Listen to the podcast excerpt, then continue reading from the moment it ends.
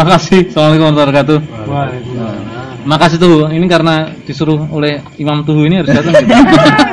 Saya biasanya apa berapa malamnya aku harus keluar terus tuh. Ya apa namanya? Karena kita mendiskusikan tentang satu karya novel, sebenarnya ini novel tetralogi sebenarnya ada empat jilid gitu. Satu Imperium, Oh, empat jilid ya? Hmm, dua apa namanya tiga yang diktator lalu konspirasi. Sebelumnya itu ada satu lagi ada ada empat sebenarnya tapi oleh Gramedia di Imperium itu dipisah oleh Robert Harris gitu jadi trilogi sebenarnya. Itu menyangkut tentang kekuasaan Romawi. Robert Harris itu nulis novel ini selama 14 tahun lebih ya mungkin. Mungkin sampai 16 tahun dia nulis novel ini. Jadi agak panjang dia nulis um, durasi dia nulis itu karena dia akan menjelaskan tentang salah satu tokoh politik Romawi yang sangat terkenal namanya Cicero. Dia ahli orator waktu itu. Cicero itu hidup pada dua pemerintahan raksasa satu pemerintahan Pompeius Agung dan dua pemerintahan Julius Caesar. Julius Caesar nanti punya istri yang sangat terkenal namanya Cleopatra yang sangat uh, populer sekali kira-kira apa namanya uh, perempuan yang benar-benar menguasai Roma gitu. Nah, di novel ini sebenarnya Robert Harris ingin menjelaskan tentang Cicero. Cicero itu tokoh orator. Ini politisi lah kira-kira, tetapi juga sekaligus cerdik cendekia lah kira-kira di situ intelektual yang yang apa nama yang punya aspirasi politik yang berbeda untuk mempertahankan namanya republik gitu kira-kira. Nah, Roma ketika itu memang dikuasai oleh ini Roma pasca kerajaan. Jadi bukan Roma waktu Niccolo Machiavelli yang nulis El Principe tapi pasca Niccolo Machiavelli gitu. Jadi ini Roma ketika masa-masa Pompeius Agung namanya begitu gitu. Nah, di pemerintahan Roma itu sebelum saya cerita itu di pemerintahan Roma itu ada ada unsur yang paling menarik. Jadi di pemerintahan Roma itu ada namanya konsul. Konsul itu kayak di sini adalah ketua DPR, senat tuh, ketua senat tuh. Nah, konsul itu adalah orang-orang yang menguasai senat. Jadi setiap keputusan-keputusan politik Roma itu diselesaikan oleh senat. Senat itu adalah kumpulan-kumpulan senator-senator yang dipimpin oleh konsul. Konsul itu di Roma itu unik sekali. Jadi semua pemerintahan itu tidak dipegang oleh satu orang, tapi selalu dipegang oleh dua orang gitu. Jadi konsulnya itu ada dua orang. Lalu nanti kalau di sini wali kota itu ada dua orang. Jadi setiap pemilihan itu dua orang, dua orang. Dua orang dipilih per Juli gitu. Jadi eh per Agustus nanti dia durasi kekuasaannya sepanjang satu tahun. Nah di situlah eh, Cicero itu lahir dan tumbuh gitu. Cicero itu kemudian eh, tumbuh untuk dia sebenarnya adalah seorang pengacara, tapi dia punya minat politik yang sangat tinggi gitu. Nah minat politik itu di Roma, kalau kau punya minat politik itu kau harus belajar pada tokoh-tokoh senior di Roma. Nah salah satu modal orang berpolitik di sana itu hanya dua, satu punya pengetahuan filsafat, dua punya kemampuan retorika kira-kira. Nah, kalau pengetahuan filsafat itu bisa di- diperoleh dengan belajar kepada guru-guru filosof langsung. Itu bi- biasanya mm, apa namanya? berguru pada murid-muridnya Plato, Aristoteles gitu kira-kira begitu. Dan itu bisa memakan waktu bertahun-tahun. Tetapi yang paling sulit adalah belajar berpidato. Karena belajar berpidato itu bukan hanya pengetahuan, tapi juga belajar fisik gitu. Jadi misalnya Cicero setelah selesai menyelesaikan menyelesaikan apa namanya eh, pelajaran filsafatnya, dia kemudian apa namanya dia kemudian belajar pidato gitu. Nah, di pelajaran pidato itu bukan diajarkan hanya berkata-kata tapi bagaimana menggunakan seluruh energi tubuh kita tuh untuk memiliki memiliki kayak kemampuan untuk mensugesti orang, kira-kira begitu.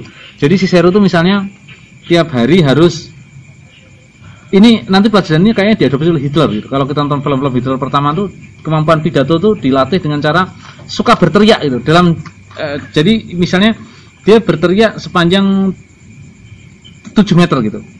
Jadi itu batas minimal orang kalau kos sampai 7 meter tuh jadi di tengah-tengah pantai dia teriak gitu. Dia pidato terus pidato pidato pidato pidato. Ngomong tapi dia didengar sama sepa- anu, selama sejauh 7 meter gitu. Anda bisa bayangkan ya di tengah di pinggir laut suara ombak lalu dia pidato dan didengarkan 7 meter berikutnya. Kalau sampai bisa didengarkan dan dia bisa pidato selama satu jam itu dianggap berhasil lah kira-kira. Ini bisa bayangkan itu latihan retorika yang ampuh sekali menurut saya. Dan ini latihan yang jangan dilakukan oleh para aktivis menurut saya. Jadi ngomong selama satu jam dengan dengan intonasi-intonasi yang benar-benar dilatih gitu. Bagaimana kamu bisa jadi istilah apa namanya teori retorikanya tuh mengatakan begini, nam- namanya ilmu oratoria gitu. Kalau di dalam novel itu digambarkan. Teori oratoria itu begini. Pertama kalau ngomong tuh kamu jangan terlalu banyak bergerak. Yang kedua, kalau ngomong tuh tegakkan kepalamu. Yang ketiga, jangan menyimpang dari inti pembicaraan. Yang keempat, buat mereka bisa tertawa. Yang kedua, kelima, kalau sudah bisa membuat mereka ketawa, hentikan pidatomu itu. Jadi istilah dia agar mereka terharu, terharu, bingung dan kalau mereka sampai bisa menangis gitu, itu kok harus segera duduk gitu. Dalam istilah dia, tak ada yang lebih cepat mengering selain air mata gitu. Air mata itu cepat kering, maka kesannya harus kau harus punya kesan yang dalam. Nah, Cicero belajar selama itu selama bertahun-tahun belajar berpidato itu gitu. Ketika nanti dia pulang, dia ditemani oleh seorang apa sekretaris yang sangat terkenal, sek- apa namanya? Sekretaris Cicero itu namanya Tiro. Itu Tiro ini yang menjadi menjadi orang yang bercerita tentang Cicero di sini gitu. Tiro ini bukan tokoh fiktif, jadi semua yang tokoh disebut sini itu nggak pernah fiktif. Tokohnya itu nyata, detailnya aja fiktif, tapi tokohnya itu nyata, kejadiannya nyata semuanya, kira-kira begitu.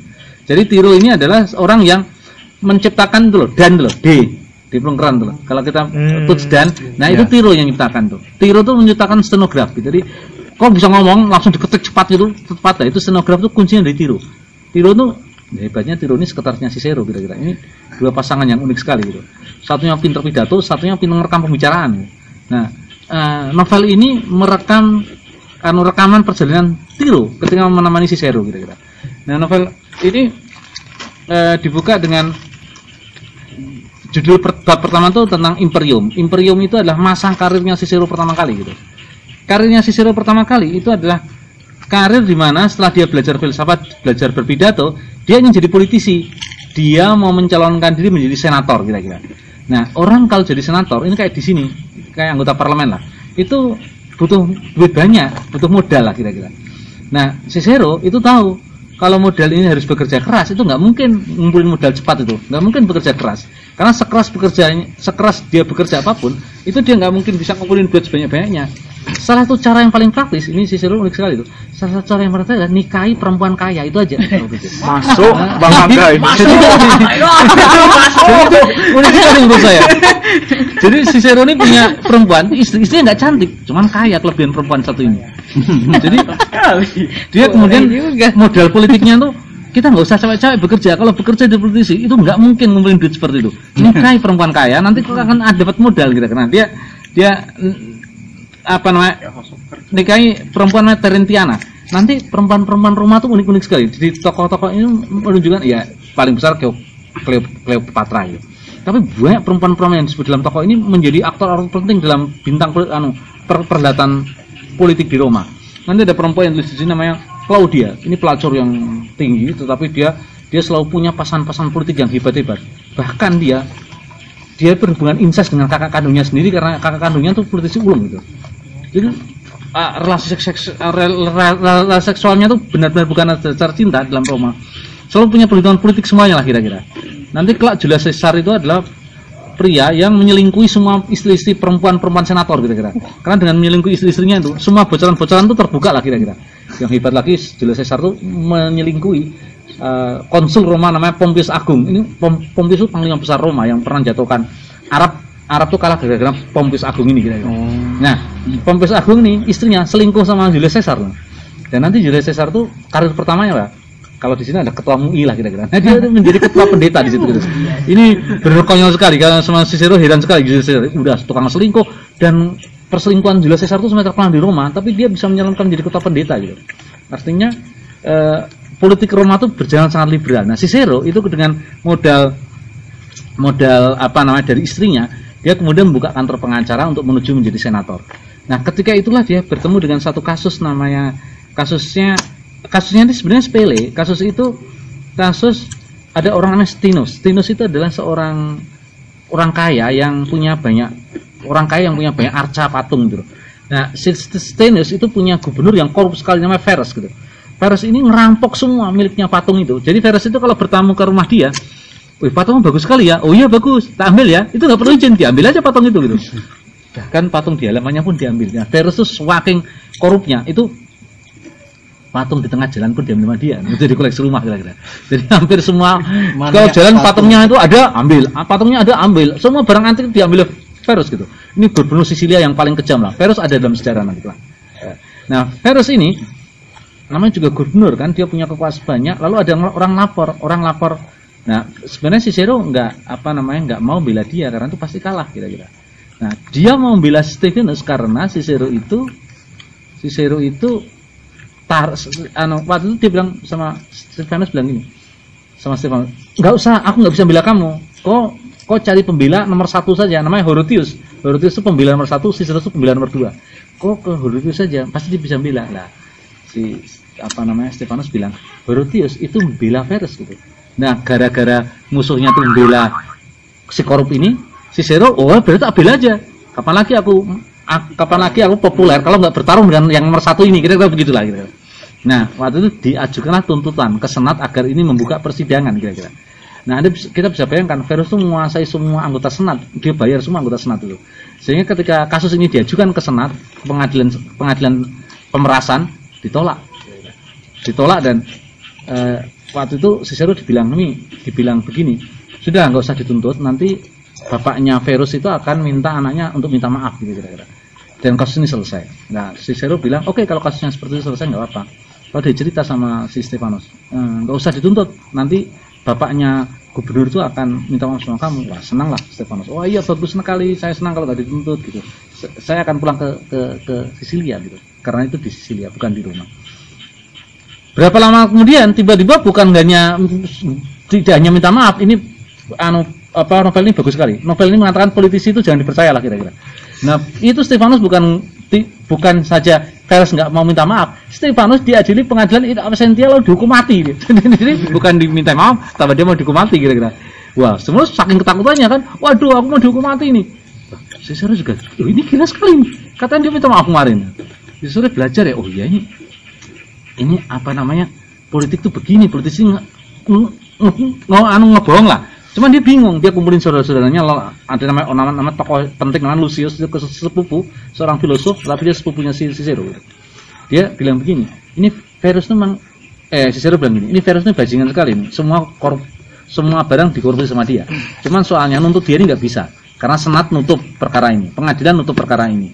Lalu lalu apa namanya eh, bahkan Stefanus akan di, dihukum mati gitu.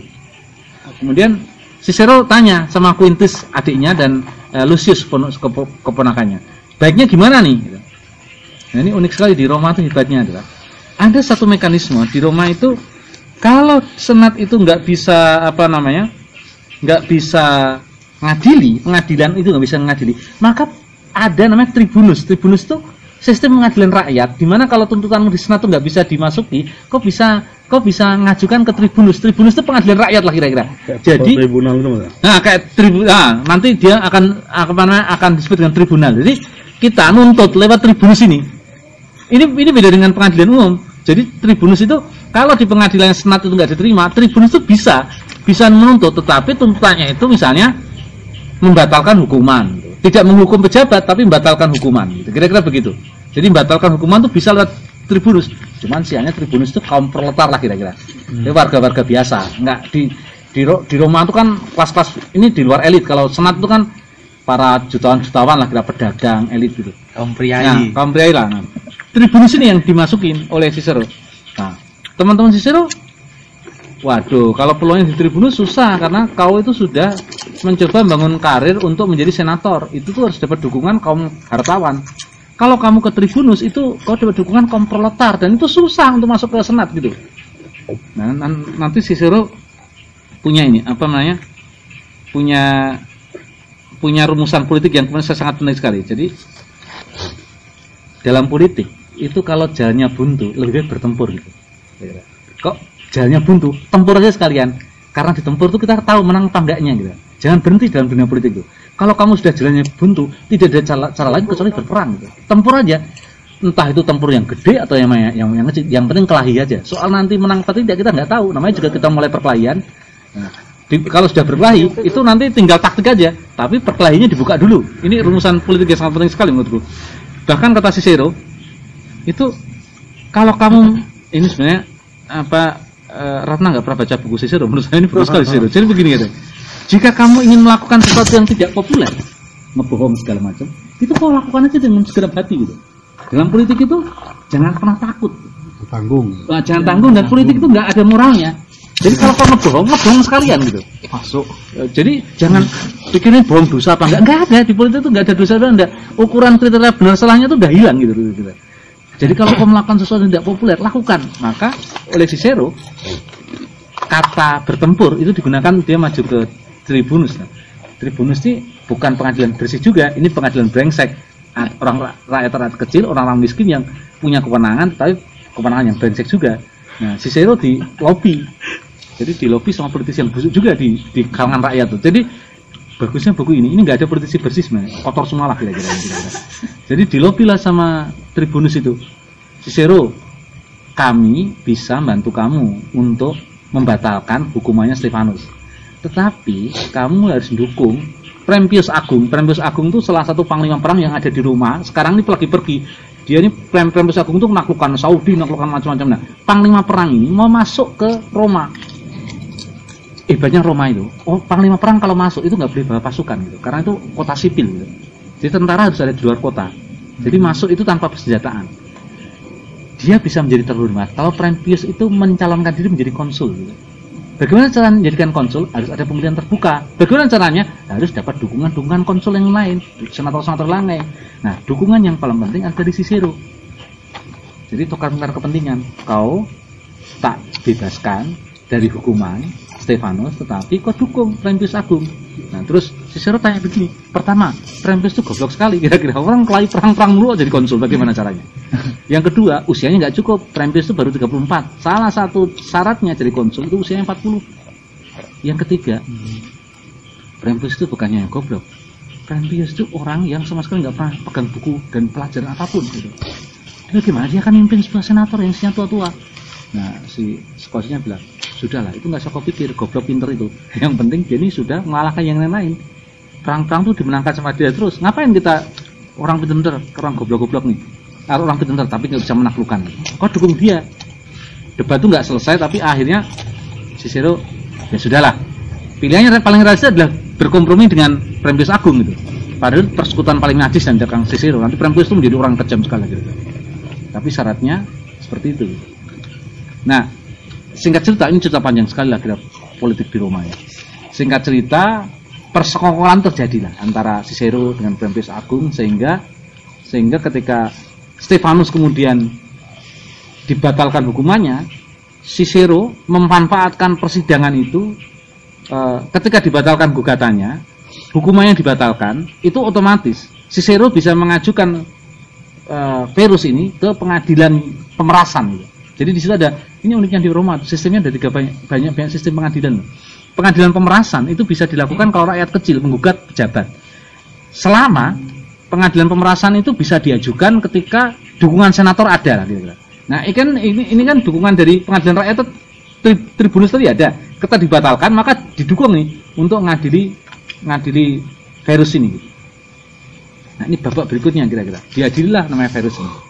Cuman virus ini kan pintar sekali. Tadi udah udah beli senat, akhirnya senat nggak bisa dia dia dia, dia di, di- di- apa diajukan tuntutan. Sekarang dia balik ke pengadilan pengadilan pemerasan. Dia beli semuanya hakim dia beli ini dia dia, dia beli. Durasi pengadilan pengadilan pengadilan pemerasan itu durasinya 50 hari. Jadi persidangan itu 50 hari. Eh, Cicero itu nggak mungkin pengadilan 50 hari karena 10 hari pertama itu pidato-pidato. Nanti 10 hari kedua itu tuntutan-tuntutan. Selama 50 hari itu ada gangguan-gangguan. Prempius itu masuk ke kota Roma lalu akan bikin pesta. Nah, pesta itu berhari-hari. Entah itu pesta sambutan buat panglima, pesta macam-macam. Nah, pesta-pesta pesta-pesta ini kemudian biar hakimnya lupa. Kalau udah rakyat juga lupa lagi tuh ini perkara apa kira-kira. Nah, uh, Cicero bingung toh. Dia berunding. Istrinya ini muncul lagi. Si Trentia ini orang pinter, kaya dan licik dan, dan pinter lah dia. Cicero bingung, aduh bagaimana nih caranya, bagaimana nih caranya? Kata istrinya, sudah nggak usah apa waktumu itu 10 hari. Sekarang 10 hari ini adalah persingkat pidatomu. Nggak usah pidato panjang-panjang. 10 hari aja memanfaatkan untuk gugat virus ini gitu. Wah Cicero oh, punya ide oh, bener juga ya. Cuma masalahnya kan kalau mengubah persidangan itu harus lobby tuh gitu. Ini politik ini kayak gini lah gitu. Dia lobby lu dulu lah. Dia lobby lo- lobby Prempius yang yang nanti akan didukung menjadi konsul kira-kira. Dia lobby si panglima ini yang sudah masuk ke rumah ini. Dia lobby agar temannya hakim ini memperbolehkan Cicero untuk menyingkat sidang, menyingkat persidangan. Benar di persidangan, bukan hanya tidak ada, bukan hanya Cicero menyingkat pidato, Cicero sudah pidato sama sekali. Saya nggak akan pidato sama sekali. 10 hari saya manfaatkan ini dengan menghadirkan saksi-saksi saksi-saksi saksi untuk cerita tentang virus yang kejam ini kira-kira. Nah, selama 10 hari itulah sidang diubah sama dia sehingga datangkan saksi saksi saksi saksi. Sampai virus yang pejabat yang hebat ini nggak bisa ngapain karena semua saksi eh, apa namanya semua saksi-saksi mengungkap kejahatan dia. Pengadilan Roma itu uniknya adalah ini demokrasi langsung. Ya. jadi semua rakyat bisa nonton semuanya gitu. Jadi pengadilan itu memenangkan maka retorika jadi penting karena dengan pengadilan itu semua publik lihat gitu. Oh dia ini brengsek ini jadi pengacara-pengacara virus dan jurus jurinya posisinya juri nggak nggak bisa ngapa-ngapain kecuali menghukum dia kira-kira Diawasi ya. Nah, dewasa sama rakyat gitu. Cuman kan hari terakhir persidangan namanya bu- ini bagusnya ba- buku ini novel itu politik tuh nggak pernah menang sama yang ideal gitu. Jadi ketika Verus kalah, Verus tuh kalah, lalu Cicero tuh diminta untuk memberi diberi ganti rugi sebesar satu setengah juta gitu. Menurut Verus itu satu setengah juta itu ini apa namanya jumlah yang kecil menurut, menurut si, menurut aja, Cicero. Terlalu kecil untuk perampokan gubernur yang semua daerah di tempat dia itu merampok semuanya. Nah, Cicero yang sangat idealis, pokoknya nggak diterima satu setengah juta ini. Nah ini pintar sekali Verus ini. Verus ini ngelobi Pompeius Agung agar ketika dia jalan-jalan mampir ke rumah Cicero. Nah ini pejabat ini kan biasa tuh mampir ke rumah hakean Cicero. Wah, Pem Pompeius Agung tuh konsul sudah dari pejabat penting lah. Mampir ke rumah Cicero, Cicero kaget kan didatangi Pompeius Agung. Wong Pompeius Agung masuk ke rumah aja, Cicero aja nggak diperhatikan kok. Tiba-tiba kok dalam ke rumah. Wah senang sekali Cicero pejabat tinggi lagi ngobrol-ngobrol. Wah bagaimana Cicero baik-baik ya kas pejabat lah. Wah senang aku lihat kamu ceritanya di persidangan kamu hebat sekali. Terus sebelum pulang Pompeius bilang gini. Jadi tawarannya kerugiannya berapa? Satu setengah juta. Terlalu kecil itu. Lalu Pompeius Agung bilang gini, Cicero kau tuh harus anu lah harus harus harus memaklumi bahwa bahwa tidak setiap apa namanya tidak setiap hukuman itu harus yang paling maksimal gitu. Jadi dia bilang kau harus maklumi Verius itu pejabat. Jadi dia ini sudah dipermalukan dengan persidangan kamu itu. Ibaratnya Verius itu sudah, sudah dilempar tai berkali-kali. Pak, pak, tai, tai. Kalau tai itu suruh kau makan pula, itu keterlaluan namanya. Dalam politik itu nggak ada yang maksimal. Kau harus terima itu ya. Kira-kira kira-kira. Kau terima itu bereslah kita semuanya. Wah, terus disuruh juga bingung loh. Aduh, kok payah sekali ini kira-kira kan? Dia harus realistis lah kira-kira. Akhirnya, Verus boleh melarikan diri, lalu diterima satu setengah juta itu. Itu titik kompromi paling ma- masuk akal dalam politik lah kira-kira. Jadi tidak ada yang menang mutlak politik itu selalu 50-50 lah kira-kira. Nah, itulah Cicero. Dia belajar bagaimana berpolitik di Roma. Itu harus tidak pernah yang ada yang yang ideal ini. Nah, Lucius yang selalu membantu Cicero itu apa namanya e, merasa perjuangan ini benar gitu. Nah, di kemudian hari taktik-taktik seperti ini digunakan Cicero untuk untuk untuk dirinya mencalonkan diri menjadi tokoh-tokoh politik penting. Ini tangga politik di Roma itu tidak ada lain kecuali bersekutu, bersekongkol, berunding, kira-kira begitulah. Nah, dengan siapa? Tiga kelompok, aristokrat, serdadu, dan rohaniawan. Kira-kira begitu nih tiga, tiga, tiga kelompok yang paling ideal yang yang harus dilakukan. Gitu. Nah, novel ini menceritakan itu dengan cara yang yang lebih panjang karena novel ini kan tetralogi, ada trilogi. Jadi ketika Cicero itu kemudian babak pertama triloginya adalah Cicero ketemu Pompeius Agung. Pompeius Agung menjadi konsul. Lalu Cicero minta jadi wali kota. Cicero bisa menjadi wali kota, tapi Cicero harus berunding dengan dengan skoci-skocinya gitu. Satu saat Cicero ini harus membela membela temannya Pompeius Agung, seorang ya gubernur juga kayak Verus itu yang korup kira-kira. Ini brengsek nih gubernur nih. Cuman sianya gubernur ini temennya Pompeius Agung. Lalu Cicero disuruh, eh kau bilalah orang ini. Ini memang brengsek namanya, tapi kau bilalah. Itu cara satu-satunya kau untuk menjadi bupati di Roma. Gitu. Nanti dari sini kau ada dukungan. Nah, Cicero membela orang ini. Nah, Lucius yang adiknya yang sangat filosof, yang etik itu, itu kecewa. Kenapa kau bila orang ini? Kau dulu mengutuk Verus karena koruptor. Sekarang kau bila lagi koruptor, meskipun orang yang berbeda. Ya, Cicero bilangnya akrobat kata-katanya begini. Verus itu dulu dulu aku bela orang Sisilia karena dia korupsi di Sisilia. Sedangkan ini eh, temannya pembius ini ini korupsi di Galia. Galia itu musuhnya Roma sejak dulu suku ini. Nah, bukankah sekali-kali aku butuh bela orang Roma? Kira-kira begitulah. Ini anu, alibi kacau sekali gitu. Nah, Lucius tahu kalau berdebat dengan Cicero tuh mending gak usah debat terus. Kalau kau debat dengan Cicero, mending kau berhenti aja. Salah satu yang ngalahkan Cicero adalah kau tidak usah berjalin, kau diam saja. Sampai ada kalimat Lucius yang sangat, sangat terkenal. Berakuf, anu ya, berakrobatlah dengan kata-katamu, karena dengan akra kata-kata itulah kau akan celaka. Kira-kira begitu. Nanti Lucius itu kemudian setelah peristiwa itu dia bunuh diri dan itu luka terdalam bagi Cicero karena kehilangan Lucius adalah kehilangan sepupu yang selalu memberikan pertimbangan-pertimbangan filosofis lah kira-kira. Tapi setelah itu dia kemudian men- menapak karir dari seorang bupati di Roma sampai dia menapak karir menjadi konsul di Roma. Ini karir tertinggi sekali di konsul di Roma.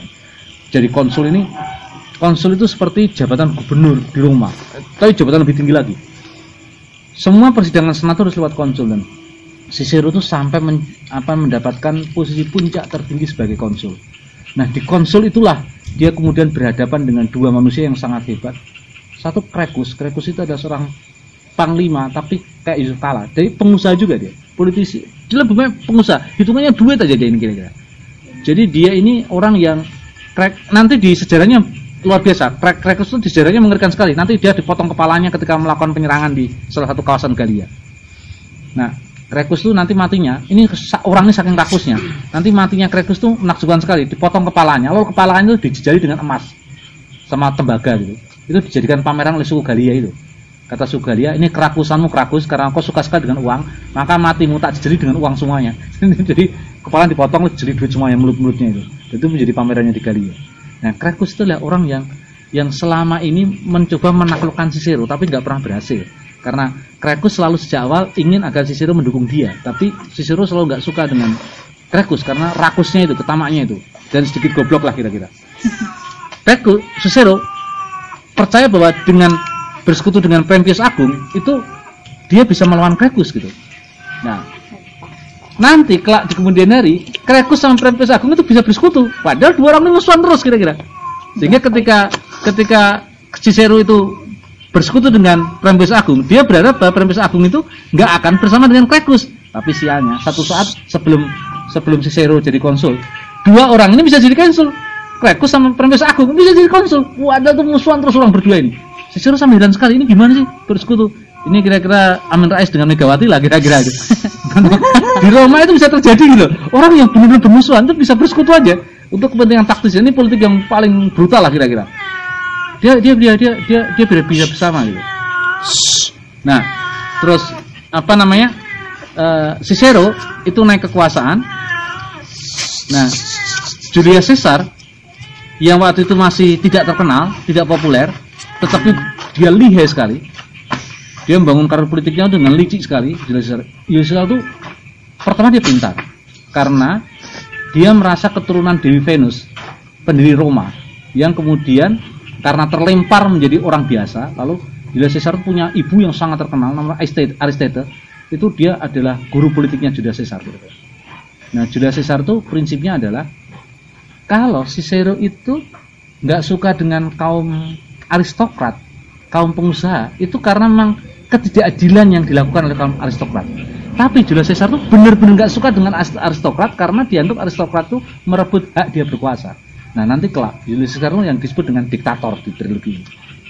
Nah Julius Caesar itu pokoknya berusaha bagaimana caranya dia itu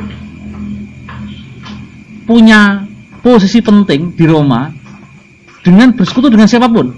Dengan pertama dengan Prentius Agung dia bersekutu. Setelah dengan Prentius Agung dia nggak cocok, dia bersekutu dengan Krekus misalnya. Bahkan ketika ada pemilihan pendeta, Julius Caesar mencalonkan diri dan tidak berhasil jadi dari tiga calon, dua calon itu adalah ahli waris pendeta. Sebenarnya apa Cicero mengatakan dua calon ini mending mengalah aja, nggak usah pakai pemilihan pendeta. Kalau pendeta perkara pemilihan ini berbahaya. Benar dua orang lagi mencalonkan diri, uh, Julius Caesar mencalonkan diri juga. Julius Caesar yang menyelingkuhi perempuan di rumah itu tiba-tiba berubah menjadi sangat baik hati. tema moralnya luar biasa, kesetiaan segala macam. Tapi kan Julius Caesar ini pintar pidato kira-kira. Gurunya Julius Caesar pidato itu sama dengan gurunya Cicero kira-kira. Jadi orang ini cakap sekali berpidato.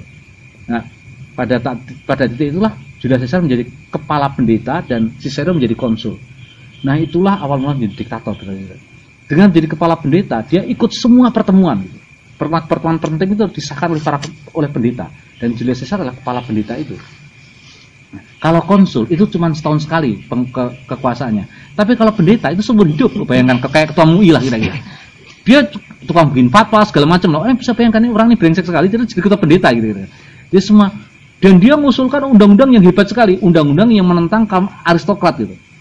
Misalnya undang-undang tentang distribusi tanah, undang-undang tentang apa namanya pembagian pembagian beras pada orang-orang miskin. Pokoknya eh, apa apa diktator itu selalu punya minat-minat isu-isu populis lah kira-kira. Dan itu selalu mm, apa melawan melawan kaum-kaum berjuis lah. Sampai akhirnya karena Cicero itu konsul cuma setahun, Cicero selama menjadi konsul itu diganggu terus oleh kelompoknya Julius Caesar dengan Cracus ini. Sampai dia berhadapan dengan preman-preman bayaran yang disebut dengan orang dengan Claudius dan Claudia, dua orang yang sangat terkenal nanti di Roma. Nanti sampai satu saat setelah konsul itu turun, singkat cerita lah trilogi ini. Dalam Imperium itu di yang buku kedua terjadilah sindikat yang luar biasa antara eh, Julius Caesar, lalu preman-preman Cassius dan Cracus gitu. Dua orang ini kemudian Cracus dengan Julius Caesar mencalonkan diri menjadi konsul. Dari pendeta dia nyalonkan ke konsul. Kenapa dia bisa? Karena popularitas Julius Caesar dan dalam isu-isu isu-isu distribusi tanah itu luar biasa sehingga banyak mendapatkan dukungan. Ketika Julius Caesar akhirnya menjadi konsul, itulah kediktatoran yang pertama kali terjadi. Jadi ketika dia menjadi konsul, tidak boleh ada usulan-usulan apa pun kecuali dari usulan dari dia. Yang kedua, bukan hanya tidak boleh juga, dia kemudian membuat senat itu tidak punya wibawa sama sekali. Jadi semua keputusan dipegang oleh Julius Caesar. Yang kedua, dia menggunakan tenaga preman dan preman itu boleh menciptakan undang-undang. Jangan preman bisa undang-undang. Sampai dia preman itu bikin undang-undang. Siapa yang pernah menghukum mati tanpa persidangan, itu orang itu pantas dihukum mati. Itu dia nunjuk kepada Cicero ketika dia menjadi konsul menghukum mati para pemberontak-pemberontak Roma. Dan undang-undang itu adalah undang-undang yang ingin menghukum mati Cicero. Dan Cicero kemudian lari di satu pulau, nanti di di di babak terakhir Imperium dia lari di satu kawasan di Roma untuk menyembunyikan diri berpisah sama keluarganya karena dia dihukum mati oleh kelompok Julius Caesar. Sampai dia nanti di di pengasingan Cicero masih minta tolong sama Prompus Agung agar melindunginya. Dan Prompus Agung bisa melindungi asal dia tidak macam-macam lah kira-kira nggak usah nggak nggak usah ngelitik Julius Caesar lagi lah kira-kira. Nah nanti eh, Cicero sempat dibuang bertahun berbulan-bulan lalu balik lagi ke Roma lalu menjadi senator dimulai dari senator tapi sudah usia tua dia berhadapan dengan preman dengan Claudius Claudia gitu dengan dengan upaya dia untuk menjatuhkan kekuasaan diktatornya eh, Julius Caesar tapi kita tahu dalam sejarah Julius Caesar menjadi kekuasaan yang luar biasa dulu dia ngejak Prentius Agung dengan Cassius untuk bersekutu tapi kata Cicero meramalkan kalau tiga orang jahat itu bersekutu pasti lama kelamaan pecah dari tiga menjadi dua, dua menjadi satu. Nah itulah yang terjadi. Prembus Agung kemudian dikhianati, dibunuh. Eh, Cassius kemudian dibunuh, dipotong kepalanya di, di Galia, tinggal Julius Caesar. Nah Julius Caesar tinggal satu. Apakah yang terjadi? Nanti ini peristiwa yang paling heroik dalam sejarah Roma. Ketika Julius Caesar masuk ke Roma dan dia menjadi penguasa diktator, dia yang tidak bisa di, di, di- di- diubah di Roma adalah setiap rakyat melapor itu didengarkan oleh konsul, didengarkan deket tuh didengerin. Nah, gimana? Nanti ada film Julius Caesar yang bagus sekali adegan pembunuhan Julius Caesar. Jadi ada anak-anak muda, ada suku dari dari saya- aku lupa mana suku itu. Itu minta keadilan tentang Julius Caesar. Julius Caesar, aku minta keadilan. Oke, ke sini ke sini. Apa yang kau lakukan? Orang itu namanya Brutus yang kita sangat kenal sekali. Oh iya. Nah, nanti Brutus nanti narik narik anu narik eh, ininya Julius Caesar bajunya, tarik begini, ditusuk berkali-kali Julius Caesar. Cak, cak, cak, gitu. Nanti semua orang menusuk berkali-kali Julius Caesar. Nah, Cicero ada di situ. Dibunuhnya, dibunuhnya sang diktator. Dibunuh berkali-kali oleh kelompok Brutus dan teman-temannya itu. Nanti Brutus dan teman-temannya lari ke gua. Nah, Cicero waktu itu mendukung pembunuhan itu. Mendukung pembunuhan itu dan waktu itu Cicero mengatakan kalau kau sudah bunuh diktator, kau harus merebut senat kembali. Kalau kau rebut senat kembali, itu nanti akan akan apa namanya? Kau akan mengatakan bahwa bahwa pembunuhan itu sah kira-kira. Nah, tapi apa namanya? Julius Caesar itu menciptakan preman. preman-preman lah berkuasa dalam parlemen Roma. Preman-preman ini bukan Nah, ini peristiwa yang preman-preman dikuasai oleh salah satu orator yang hebat lagi. Lupa aku namanya di. di- Berundinglah para preman-preman ini dengan dengan para pembunuh Julius Caesar. Berundingnya begini. Oke, sekarang ini nggak apa-apa. Nanti yang sa- sadis Cleopatra eh, istrinya Julius Caesar. Nggak nggak apa-apa. Apa namanya? eh, pembunuhan ini tidak usah diusut. Kita memulai senat yang baru. Tapi syarat kami adalah pemakaman Julius Caesar itu harus pemakaman yang dirayakan karena Julius Caesar itu adalah pahlawan. Sebenarnya Brutus nggak nggak setuju. Kenapa harus dirayakan? Ini orang mati diktator, biarkan mati. Ngapain dirayakan? Kita kuburkan. Lalu istrinya Cleopatra bilang, aku hanya minta satu itu aja, hormati mayat suamiku. Kau sudah bunuh dia, hormati pekuburannya. Nah namanya Soeharto belajar dari peristiwa ini kira-kira. Benar itu pemakaman Julius Caesar itu bukan pemakaman biasa, itu pemakaman panggung politik. Dan di situlah ada anggota Julius Caesar, Claudius dan Claudius naik ke permukaan, naik ke panggung, lalu lalu memperagakan bagaimana pembunuhan Julius Caesar di hadapan rakyat. Dan Brutus yang dianggap sebagai pengkhianat itu dilukiskan bagaimana cara membunuhnya. Wah rakyat marah lah kira-kira. Rakyat marah. Oh namanya Autistus itu sang orator ini yang berkhianat tuh dia kemudian memproklamirkan diri menjadi diktator penguasa tapi pecah dengan Brutus karena kekuatan nggak seimbang lalu terjadi pe- peperangan di Roma ya. Bagaimana nasib Cicero? Dia sudah tidak pelindung. Ya. Tidak ada pelindung, dia kemudian diburu oleh orang-orang yang menjadi simpatisan Julius. Akhir hidup Cicero adalah Cicero kemudian ditangkap lalu dipenggal kepalanya karena dia dianggap sebagai sebagai bagian dari konspirasi membunuh Julius Caesar. Jadi novel ini sebenarnya novel yang ya Anda bisa bayangkan 14 tahun dia nulis gitu. Mengumpulkan semua fakta-fakta sejarah.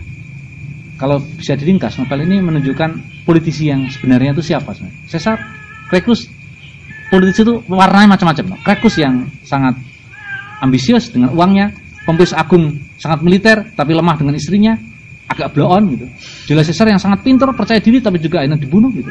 Dan Cicero yang sangat filosofis, kadang-kadang pragmatis tapi juga juga akhirnya mati terpenggal kepalanya. Ada lagi satu lagi nanti na- eh, apa namanya Catius. Catius itu nanti di politisi Roma sangat terkenal. Catius itu adalah seorang yang idealis sekali. Dia ini kalau dalam istilah gerakan kirinya lah kira-kira. Jadi dia selalu berada dalam sisi yang republik proletar gitu, meskipun dia orang kaya, dia berubah. Nanti di akhir kekuasaan dia, itu tetap mempertahankan republik dan menyerang sekutunya Julius Caesar. Dia kemudian mati di penggal kepalanya juga, tapi mati dalam dalam dalam hal dia mati tapi melawan. Kalau kalau Caesar kan mati karena pelarian kira-kira. Nah kalau kalau Claudius ini mati dalam dalam apa namanya pertarungan dengan kekuatan republik gitu. Jadi tokoh-tokoh di sini menjadi ini karena tokoh nyata. Tokoh-tokoh ini karakternya adalah berwarna sebagai sebuah kekuasaan. eh, eh, apa namanya novel ini men- menceritakan tentang bagaimana bangunan tahta kekuasaan Roma yang menjadi cerminan politik hari ini menurut saya. Politisi-politisi yang busuk, yang bersekongkol, selalu dengan tiga: pengusaha, ulama, aristokrat, kira-kira begitu. Dan eh, Cicero adalah salah satu politisi yang yang politisi selalu nggak bisa hidup dengan tujuan-tujuan mulia karena dia menghadapi kenyataan yang sangat paradok kira-kira. sehingga di apa namanya dalam eh, dalam dunia politik emang nanti di dalam buku Niccolo Machiavelli tentang al prinsipil surat penguasa itu tampak sekali loh. Dicabutnya moralitas dalam dunia politik sehingga politik itu sesuatu yang setidaknya memang berada dalam dataran yang praktis. Dan itu eh, tawar menawar kepentingan menjadi salah satu bagian utamanya. Itu novel tentang tetralogi tentang eh, eh, diktator eh, konspirasi eh, imperium ada empat sebenarnya itu bercerita tentang mengenai itu gitu tuh Oh iya, oke. Makasih Mas Eka udah. Berarti itu tiga novel diringkas jadi Iya. satu ini ya. iya Oh, oh, cerita judulnya nggak selesai gitu Ya menarik sekali apa namanya itu membincangkan ini eh, Cicero yang ditulis oleh eh, Robert Harris ini. ya. Jadi itu Robert Harris nulisnya itu 14 tahun itu. hmm, hmm. Itu berarti meneliti dari teks sejarah iya Yunani itu ya? dia meneliti biografinya Cicero berasal dari Tiro karena yang membuat tulisan tentang Cicero itu Tiro sekretarisnya. Jadi pidato-pidatonya Cicero semua ditulis oleh Tiro. Nah, Tiro inilah sekretarisnya. Nasib Tiro sendiri gimana? Dia mati normal. Dia hidup panjang. dia dikasih dikasih nah, diselatkan Disaut. tidak dipegang kepala lah kira-kira. Karena Roma ini anu, he- hebatnya para budak tidak ah, walaupun dia terlibat tapi dia tidak pernah dihukum. Nah, yang dihukum ada para majikan. Ini apa eh, bangunannya konstitusional sebenarnya. Ya kecuali ketika ada diktator itu kemudian para preman-preman diberikan kewenangan-kewenangan yang yang ini ironi ya. Yang menggal kepala Cicero itu adalah salah satu anak yang dulu dibela pertama kali oleh Cicero ketika dia 15 tahun bunuh bapaknya. Jadi saya masih ingat, kamu yang tak bela toh? Iya. Dan saya ingat sekali, memang kamu goblok sejak dulu. Dan aku membela kamu tuh bukan karena kamu benar. Oh, anak itu sebenarnya mau dihukum mati, tapi Cicero ingin melepaskan dia dari hukuman mati. Lebih karena Cicero kasihan. Kalau dihukum mati, dia nanti campur hewan-hewan segala macam tuh lebih kasihan hewannya kira-kira. Mending dia tidak usah dihukum mati. Tapi gara-gara dia dihukum mati itulah dia nanti dihukum menjadi anggota militer. Ketika menjadi anggota militer itulah kelak kemudian hari dia bersekutu dan dia yang menggal kepala Cicero sendiri. Itu ironi, ironi kisah ini. Karena dia dibunuh oleh orang yang dulu dibela Cicero. Betapa tidak adanya hutang budi itu nggak ada lah kira-kira begitu hmm, dalam politik. Kau kalau kau, kau berbuat baik, jangan kau harap orang itu berbaik-baik padamu lagi kira-kira begitu. Naif itu. Jadi apa terlalu hitam anu novel ini kira-kira. Karena nggak ada yang baik kemudian. Semua orang yang baik kemudian mati kira-kira. Dan semua yang jahat juga mati gitu. Tapi itu, itu novel itu menjadi lebih realistis gitu. Iya. Nah, memang begitulah bangunan politiknya. Apalagi dipertontonkan dengan politik akhir-akhir ini loh. Mas. Itu nyata banget gitu. ada serial TV kayak kayak kayak gini tuh kan judulnya House of Cards serial TV Oh, lumayan. per- peta politik Amerika itu Ah, jadi ah. dia bangun membangun apa karirnya dari kecil juga dia orang-orang miskin tuh si eh, Frank Underwood ntar dia juga gitu mas nikahin anak orang kaya tuan tanah gitu Hmm. nah ntar dia masuk partai demokrat segala macam jadi persekutuannya juga bersekutu dengan gubernur kayak gitu segala macam. Terus beberapa agamawan kayak gitu, kayak gitu. Mirip mirip banget sih di di serial TV itu dan dia apa namanya eh nidurin wartawan segala macam macam-macam gitu. Ya mirip banget. Aku Iya. jadi teringat dengan, dengan serial movie itu. Sama kayak dengan Game of Thrones tapi Game of Thrones itu eh konteksnya pada masa zaman masih kerajaan atau kedatuan kayak gitu. Hmm. kurang lebih kayak gitu sih ya. Bener politik secara praktis nggak kenal moral. Nggak ada. Indonesia, eh, eh, gimana? Sama dengan Indonesia ini. Iya. Jauh-jauh. kalau yang terbaru ini kan kayak si apa? Eh, kayak Jess Kavanaugh tuh ya. Itu apa hakim gitu ya. Persoalan moral kacau itu ya di Amerika. Ini nanti punya anak. Anak perempuannya itu nikah dengan anak perempuan pintar sekali. Tante Tiana namanya. Itu nikah dengan salah satu suami yang pria ini kelebihan cuma tampan saja sebenarnya. Lainnya goblok semua dia ini. Sialnya pria ini pria ini sayangnya dia bersekutu dengan Julius Caesar. Dia di panglima Julius Caesar. Ke- kesalahan pria ini adalah sampai nanti kalau Cicero itu heran kenapa dia punya mantu yang buas kayak gitu. gitu.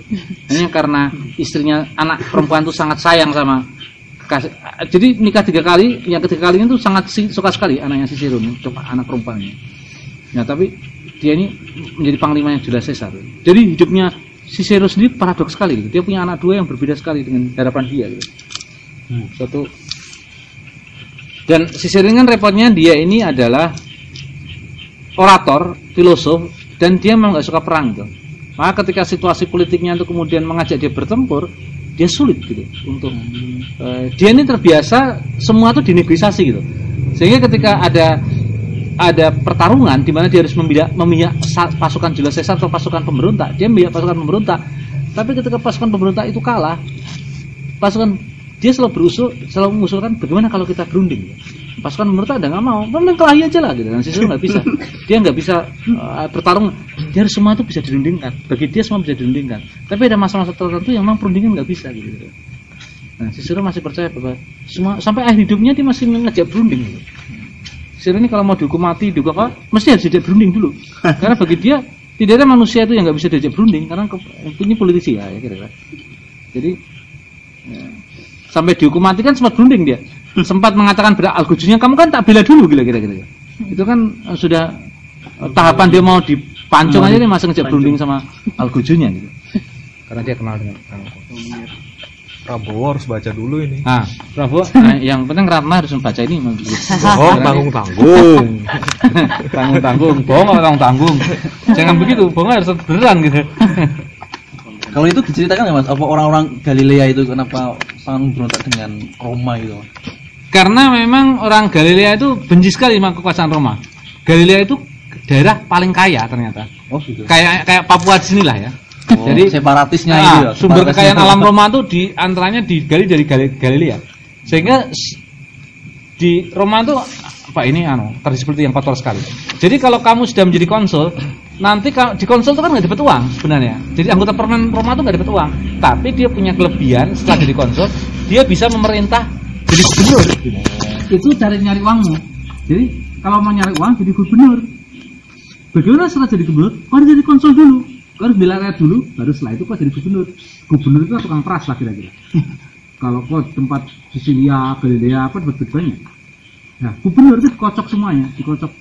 Oh, wilayah ini, wilayah ini. Semua wilayah Roma kemudian dijadikan apa namanya kawasan di mana dia bisa berkuasa. Tapi setelah jadi konsul, setelah kau jadi anggota parlemen, bela rakyat, segala macam idenya begitulah. Kau bisa jadi gubernur untuk nutup utang-utangmu. Nah, Cicero sama Cicero punya banyak utang segala macam lah dia sebenarnya cara nutup utang jadi gubernur padahal ada pajak ada proyek jalan segala macam lah jadi memang di sana gubernur memang tugasnya nyari duit bukan konsul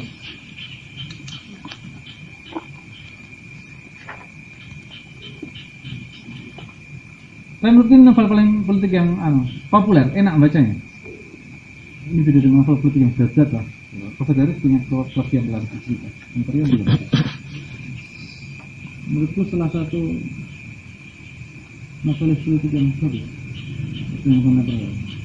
Terjemahnya bagus ya ini? Bagus kalau Gramedia. Oh iya bos.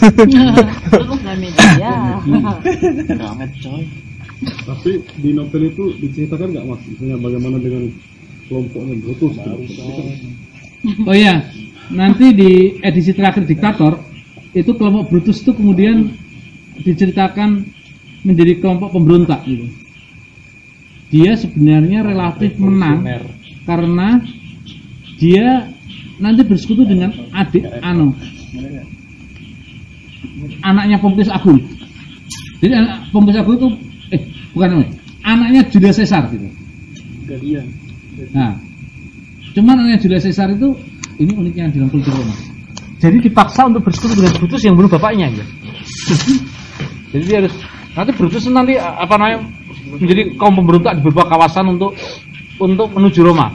Walaupun nanti ketika dia menuju Roma persekutuan itu pecah karena anaknya Julius Caesar nanti bersekutu dengan sekutunya bapaknya untuk membunuh Brutus. Brutus penggal kepalanya. kemudian. Jadi kalau di sini Brutus itu bukan pengkhianat. Brutus menurut perspektif Cicero ya, dia adalah adalah orang yang melawan rezim diktator. Kalau Brutus dalam uh, drama klasik itu kan dianggap pengkhianat atau kira-kira kayak Hamlet. Itu yang sering kita dalam baca banyak. Nah, Itu selalu diasosiasikan bagaimana kemudian Brutus itu menjadi sosok yang eh, negatif kemudian. Hmm. kan. Kalau mendengarkan kemapanan Mas Eko dalam kisah Cicero sebenarnya itu, ya bagaimana kemudian eh, Brutus dalam konteks orang yang menumbangkan rezim gitu, Hmm. menumbangkan rezim diktator lah kasarnya kan, Hmm. dengan membunuh apa tuh pucuk pimpinannya gitu hmm. seperti itu. Nah ini makanya kemudian uh, apakah penulisnya menceritakan agak sedikit ini tentang kelompoknya, tentunya kan tidak Brutus sendiri kan kemudian. Hmm. Brutus juga punya uh, kelompok-kelompok dan segala macam yang kemudian kalau kayak di tempat kita kemudian mereka dianggap seperti apa itu kemudian ya kelompok-kelompok teroris yang kemudian menyebar dan segala macam itu Ya, Brutus itu setelah membunuh Sis- membunuh membunuh Julius Caesar, sebenarnya kelompok ini nggak siap gitu. Ketika dia dia hanya targetnya bunuh Julius Caesar. Dia nggak menyangka kalau Julius Caesar itu punya pendukung yang sangat banyak. Maka dia kemudian lari ke gunung, ke gua dekat Roma. Kemudian dia sebenarnya ingin ingin apa menghimpun perlawanan dari Roma. Maka Cicero merasa secara moral tuh bisa dibenarkan Brutus menuju Julius Caesar. Maka dia memberikan dukungan. Nah, banyak eh, novelnya agak condong ke Cicero gitu. Jadi banyak sekali tindakan-tindakan Brutus kemudian diatur oleh Cicero.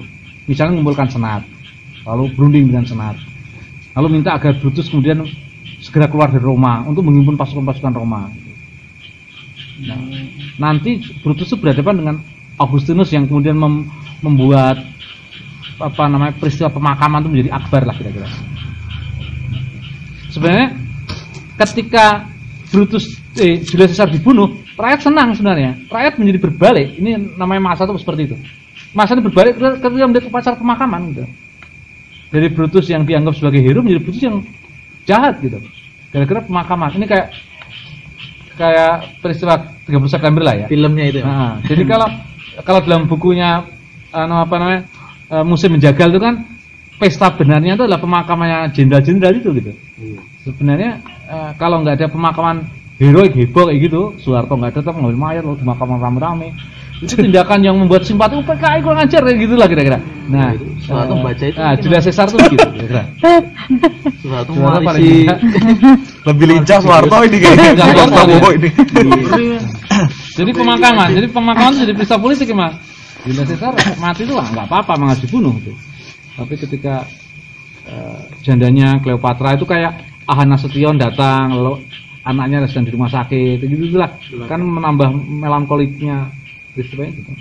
Kalau di musim menjagal itu kan eh, kenapa mis anu apa namanya pemakaman itu dipercepat sehingga eh, 24 jam setelah Soekarno ngangkat eh, mau ngangkat panglima angkatan dan gantikan Yani kalah gara-gara pemakaman itulah kira-kira.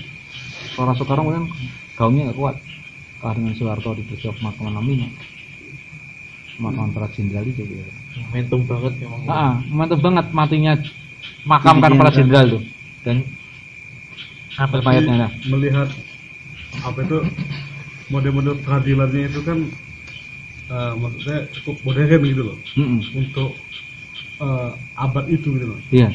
ada people tribunal ya kasarnya Ah. itu informal peradilan lah Ah. gitu kan tapi informal peradilan ini juga mampu menjadi bayang-bayang bagi peradilan tinggi gitu Heeh.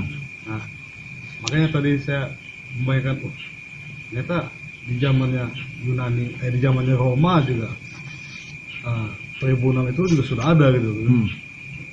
cuma memang ya ya sama aja tribunal di sini pun juga ataupun di banyak negara yang dipakai pun juga ah, lebih kepada kaum kaum kualitas semua gitu. Mm-mm. Benar itu menurut saya menurutku itu mekanisme peradilan di Roma itu sangat modern sekali kalau dalam cerita eh, diktator ini. Eh, sistemnya juri gitu ya. Dan juri ini sebenarnya kalaupun sudah dibeli, dia akan kalah dengan retorika pengacara gitu. Penga- Karena pengadilan disaksikan secara langsung oleh rakyat kira-kira. Wah, apalagi kalau Cicero pidato gitu. Pernah Cicero itu Cicero itu ketika dibuang, dianiaya, dia lari, itu yang kasihan tuh Trentina istrinya. Istrinya itu katanya dianiaya oleh Claudia. Claudia itu yang tadi dikatakan pelacur kakap itu tadi. Dia menganiaya istrinya. Lalu ketika Cicero itu pulang ke rumah lagi hidup normal tuh, luka istrinya itu adalah kalau kau bisa menghukum Claudia, kau layak menjadi suamiku lagi kira-kira begitu. Nah, sedangkan Claudia sulit dihukum gitu, karena dia sudah menjadi elit. Eh, ketika Cicero kembali tuh, ya paling tidak dia jadi orang penting kan. Sampai satu saat ada kesempatan, ini unik sekali peristiwa ini. Ada kesempatan di mana sekoci Claudia yang pelacur ini pecah gitu. gitu. Nah, sebenarnya dia punya simpanan jaksa, jak- jaksa penuntut yang dulu anak asuhnya Cicero. Jaksa penuntut ini sekocinya kisah cintanya pecah sama Claudia gitu. Sedangkan Claudia itu punya kakak namanya Claudius yang juga menipu salah satu premannya eh, Julius Caesar. Jadi ini ini anu tempur antar preman lah. Nah, Cicero masuk menjadi pengacara salah satu preman itu. gitu. Nah, preman itu kaget sekali. Kok kok kok dibila ini? Oh iya nggak apa-apa, aku tak bilang. Nah, sampai menang preman itu. Preman itu berhadapan dengan anak buah Cicero yang dulu benci Cicero. Anak buahnya karena kalah, lalu lalu anak buahnya Cicero karena sudah jaksa nuntut preman itu lagi karena kalah pengadilan pertama dia dia nuntut lagi perkara lain gitu yang kalau perkara lain itu perkara lain itu diangkat lagi preman itu akan kalah preman itu datang ke Cicero lagi. Gimana caranya? Caranya adalah kok ada kok ajak Claudia itu. Karena Claudia sama jaksa itu punya persenggolan cinta. Kok buka aja persenggolan cinta itu nanti nanti kamu akan eh, mendapatkan untung dari isu cinta-cinta ini. Lalu si preman bilang kok mau jadi pengacara yang Cicero ya enggak bener lah masa jadi pengacara dua kali. Kan sekali tadi cukup gitu. Kok cari pengacara lain. Nah ketika jadi pengacara lain dituntut lagi jaksa itu jaksa itu bingung. Waduh tuntut tentang hubungan cinta lagi. Nah Cicero pintar lagi. Dia membela jaksanya lagi. Dia dari musuh sekarang bela lagi. Kok waktunya tak bela sekarang? Lu kok bisa bilang nah ini waktunya tak bela. Menang menang kalau lawan lawan pelacur satu ini. Benar di persidangan tuh Cicero membongkar pelacurannya si Claudia ini. Sampai pria-pria yang dikhianati yang sudah mati itu dijadikan bahan pidato Cicero gitu. Andai kan pria ini hidup lagi gitu. Dia akan mengatakan pada kamu begini. Jadi persidangannya dramatik sekali itu Cicero. Peng, apa namanya? Oh, jadi di, di, di hipnotis sekali gitu. Kalau saja laki-laki ini datang lagi, apalagi ibumu datang, betapa kecewanya kau jadi perempuan seperti ini. Wah, dia, dia hipnotis sekali gitu. Dan itu kemudian mempermalukan rakyat langsung bilang pelacur, pelacur, pelacur, pelacur, pelacur. Itu cara Cicero mengembalikan harkat istrinya. Dia. Jadi Cicero itu sampai uh, balas dendam pun etis gitu loh, nggak dibunuh gitu loh. Gitu, kan. Jadi nggak membunuh, dia bunuh orang dengan bunuh karakternya, dengan pidatonya. Gitu. Nah itu hebatnya. Nah uh, buku ini bagus sekali, anu membuat persongkal persongkalan. tuh. Saya yang Robert Harris itu yang difilmkan cuma Ghostwriter. Itu uh, itu dari novel dia yang di filmnya. Ghostwriter yang ada Tom Cruise segala macam. Siapa itu bukan tahu siapa itu Pak. Ada ada di anu, itu karya dia tuh. Salah satu novel politik karya dia. Nah, Ghostwriter. Yang difilmkan. Kalau ini belum difilmkan. Ghostwriter tuh Woi, Minta dicatik gitu bang. mangga. Dibetik mangganya. Kalau Cleopatra gimana tuh, Mas? Dalam apa konstruksi politiknya di Roma itu? Jadi Cleopatra tuh nggak muncul secara menonjol di mungkin Cicero nggak ngasih perhatian agak banyak. Cuman Cicero Cleopatra tuh agak menonjol ketika dia masih kecil dan kemudian menikah dengan Julius Caesar dan agak sedikit mengendalikan Julius Caesar. sebenarnya. Mungkin dia nggak dikenonjolkan dalam cerita karena mungkin dalam bayangan Robert Harris adalah semua orang sudah tahu riwayat Cleopatra gitu kira-kira. Jadi kita nggak usah bicara banyak tentang Cleopatra. Jadi Cleopatra kecil dikisahkan sebentar. A- a- a- ar- artinya untuk membuat Tiro itu bisa memahami siapa Cleopatra. Waktu itu masih kecil sekali. Jadi Cleopatra digendong ibunya masih kecil. Tapi gadis kecil yang sudah agak nakal lah kira-kira. Dia sudah ya ini survive-nya Tiro. Sudah pakai lipstick segala macam. Dia mengatakan ini gadis kecil yang nakal sekali kira-kira dia mulai. Nah nanti kelak dia dia jelas Caesar tergila-gila sama dia lah kira-kira baik dikendalikan oleh Cleopatra. Namun cuman di sini nggak kelihatan menonjol bahwa dia mempengaruhi. Hanya adegan-adegan tertentu Cleopatra kemudian mengambil sikap politik. Iya, soalnya kan dia kan ibu negara diktator. Iya, iya, iya. Nah, itu nggak banyak di- diceritakan. Ini yang menurutku agak unik dari Robert Harris. Mungkin karena menganggap kita sudah tahu banyak tentang Cleopatra ya. Jadi sisi yang diambil adalah anu, Brutus dan teman-temannya.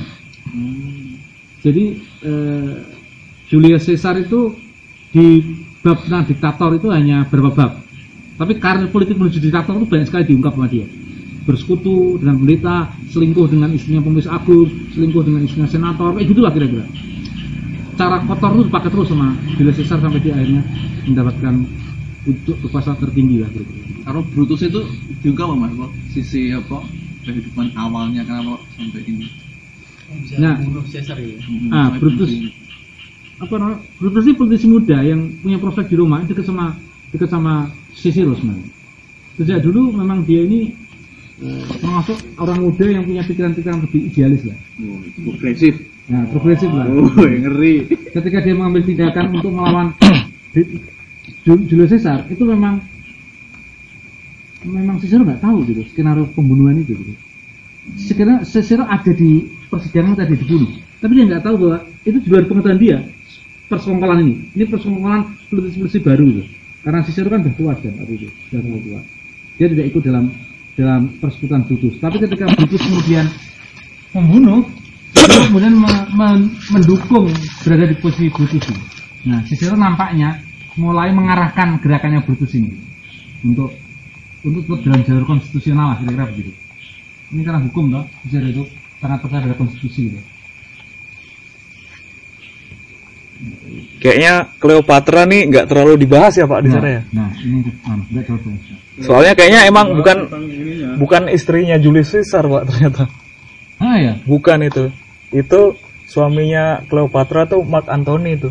Ya mungkin itu ya, mungkin, Oh, mungkin- Cleopatra beda ya, itu ya. Man- ada ada perempuan kecil Cleopatra mungkin di, di situ. Hmm, mungkin dikit kayak gitu.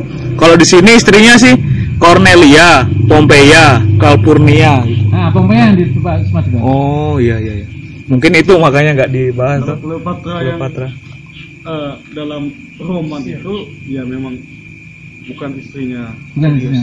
si Mark Antony itu toh? Ini ya panglimanya itu Antony itu Iya, Mark Antony. iya Mark Antony ya. Nah itu nggak dibahas, nggak dibahas. Ya makanya itu. tapi apakah kemudian Dia hidup pada masa sama. Oh Ya, iya, mungkin ya. eh, Caesar ini juga menyelingkuhi semua semuanya Nah, itu bisa aja. Bisa aja itu. yang lain gitu kan Bisa aja ditidurin juga itu loh mungkin. Nah, situ dibeli juga. Karena Cleopatra ini muncul hanya satu lebar waktu kecil ketemu teman teman Tiro, lalu Tiro bilang, oh ini Cleopatra. Cuman dia katakan, oh ini kelak akan berpengaruh lah orang ini. Ya, mungkin disinggung itunya itu. Nah, terus Jadi disinggung lagi. cameo itu. Cameo, ah, cameo gitu. di beberapa film tentang Roma itu dikatakan juga memang Cleopatra itu eh, istrinya Caesar itu gitu. Jadi Seling- kalau kita melihat selingkuhan. film-film, apa itu film-film yang agak setengah komedi itu ah apa itu yang minum ramuan kuat dari suku apa gitu loh. Iya, istrinya Iya. sebenarnya juga Cleopatra gitu loh. Oh, oblik, bukan oblik. Ah, ah itu. Oblik. Nah, cuma memang eh, kalau Cleopatra yang terkenal dalam roman itu, roman cinta itu, cinta sampai mati dan segala macam Antony itu. Itu Cleopatra Iya. yang sama Anthony itu gitu. Ya Cleopatra ini sih sama. Sa- Sejaman dia kayaknya. Sejaman, dia sejaman. Cuman dia nggak, Ya mungkin emang pernah ditidurinya itu. Iya, karena dibeli sama itu aja sama. Tapi memang Julius Caesar se- sejauh memang laki-laki yang hampir membangun karir politiknya, bocoran politik dengan meniduri istri-istri senator gitu. Karena ketampanan dia ya, kayak agak menonjol di situ. Tampanan loh. Dan pintar dia. Ya, saya saya mengatakan. Ambisius orangnya.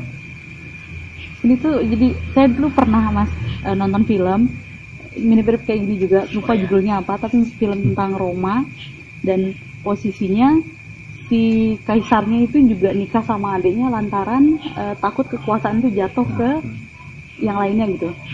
Setelah mereka nikah justru makin malah lebih diktator lagi karena kekuasaan penuh di mereka sampai mereka ngebunuh orang tua mereka sendiri saking buat lebih berkuasa lagi gitu. Akhirnya dengan ending lebih miris. Mereka akhirnya dibunuh sama kabinetnya sendiri gitu lantaran mereka terlalu kejam dan apa ya benar-benar diktator banget lah pokoknya. Ini mirip-mirip cuma lupa judul filmnya apa, tapi kisah Roma juga. Jangan itu dah. Nggak kata udah. Versinya beda-beda tuh. Iya, versinya berbeda. Karena adik kalau kita. lihat pembunuhan Julius Caesar memang mengerikan untuk dibunuh di tengah-tengah parlemen gitu. Senat berkali-kali musuh-musuh dia gitu. Dan perspektifnya emang itu apa? Nggak menguntungkan Brutus toh. Iya, iya. Pembunuhan benar, itu betul. heroik lah, heroik Heeh. kematiannya Julius Caesar dan itulah mencoreng nama Brutus toh. Mm-mm, Karena Brutus selalu dicap pengkhianat toh. Heeh. Itu sama dengan Banyak Aidit yang pengkhianat lah kayak gitu. kira-kira. PKI yang pengkhianat lah kira-kira gitu. Padahal enggak selamanya. Nah, versi cerita oh, ini versi cerita Orba dengan versi cerita alternatif lah. Iya, ini kan versi ceritanya itu toh. Nah, Itulah. Aspi.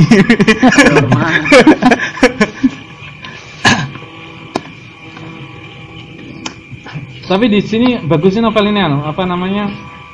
eh, pelajaran-pelajaran Cicero itu kemudian menjadi penulis, anu, fil- filosof, eh, mengkodok, mendokumentasikan petah-petah politik. Itu ah, menarik buku ini. Jadi ada banyak petah-petah politik yang penting gitu untuk melihat politik hari ini gitu. Misalnya ya seperti tadi kalau kau kau mengambil tindakan tidak populer ya ya harus dengan segenap hati gitu dalam politik gitu. Jangan tanggung. Terus nanti ada kalimat terakhir apa? Lupa aku. Kalimat terakhir ada ada ada, ada, ada di sini. Ini kalau saja kau mau memandang langit kalau kau saja, kalau kau mau kalau saja kau mau memandang langit dan merenungkan kediaman dan peraduan yang kekal kau tidak akan lagi mengurusi gunjingan orang kebanyakan atau mengharap imbalan manusia untuk kipramu. Reputasi siapa pun tak akan bertahan lama karena kata-kata manusia mati bersamanya lalu lenyap dan pikiran generasi anak-anak anak-anak cucu yang pelupa. Yang tersisa dari kita hanyalah yang tertulis. Itu sisir yang tersisa tuh yang tertulis Mantap. Bahasa lain dari Itu pastikan. Nah, itu makanya gak seluruh pergerakan penting tulis. Wah. Ini sebut status ini. Tahun 2200 oh, nama website pergerakan atau FD itu. Penting gitu. Masuk Pak. Itu penting saya dah. Kalau kau pandang langit, nah Cicero banyak sekali kata-kata mutiaranya. Kita nggak di Cicero. Menurutku itu unik sekali, bagus sekali. Sebagai satu novel inspiratif. inspiratif. Kalau anak hukum tuh bukannya belajar Cicero ya? Apa-apa? Enggak juga Ada. ya? Ada ya? Harusnya ada. Anak hukum sudah baca novel John Grisham yang sekarang nggak mungkin novel John Grisham itu sebenarnya bagus-bagus novelnya, tapi belakangan menurun kadar kualitas sastranya. Heeh. Dulu aku ketika aku lagi hukum tuh pertama kali kenal dengan anu The Firm ya, filmnya Tom Cruise yang pertama sih muda karyanya Pelican Brief, karya novel Mas John Grisham itu dibacakan oleh Pak Artijo waktu itu. Jadi buku Pak Artijo itu daftar pusaka nggak ada buku-buku itu novel semua daftar pusakanya. Kok baca novel ini ya novel ini ya? John Grisham waktu itu lagi tenar-tenarnya. Betul. Sebagai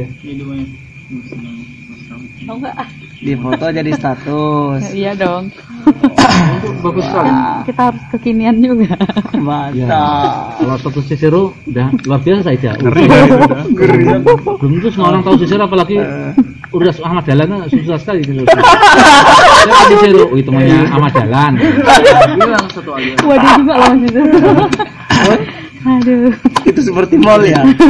Nah, cahayanya Roma ini kemudian eh, ditiru sama ini mas ya, ditiru sama Joseph Goebbels itu ya. Ya. Kemudian bagaimana Nah, bohongan bohongan. kamu meyakinkan kebohongan itu oh alah Benar Nazi itu. menteri propaganda Iya. Tapi memang pada dasarnya kepolitikan di Roma ini memang kalau dibilang kepolitikan kuno, tapi politik ini kan Berulang. masih sangat modern sekali gitu. Justru sekarang ini. dipakai di semua negara gitu. kepolitikan ini gitu. sama di hati ya. Justru yang sekarang kualitasnya menurun nih. Ya, di tempat-tempat yang lain.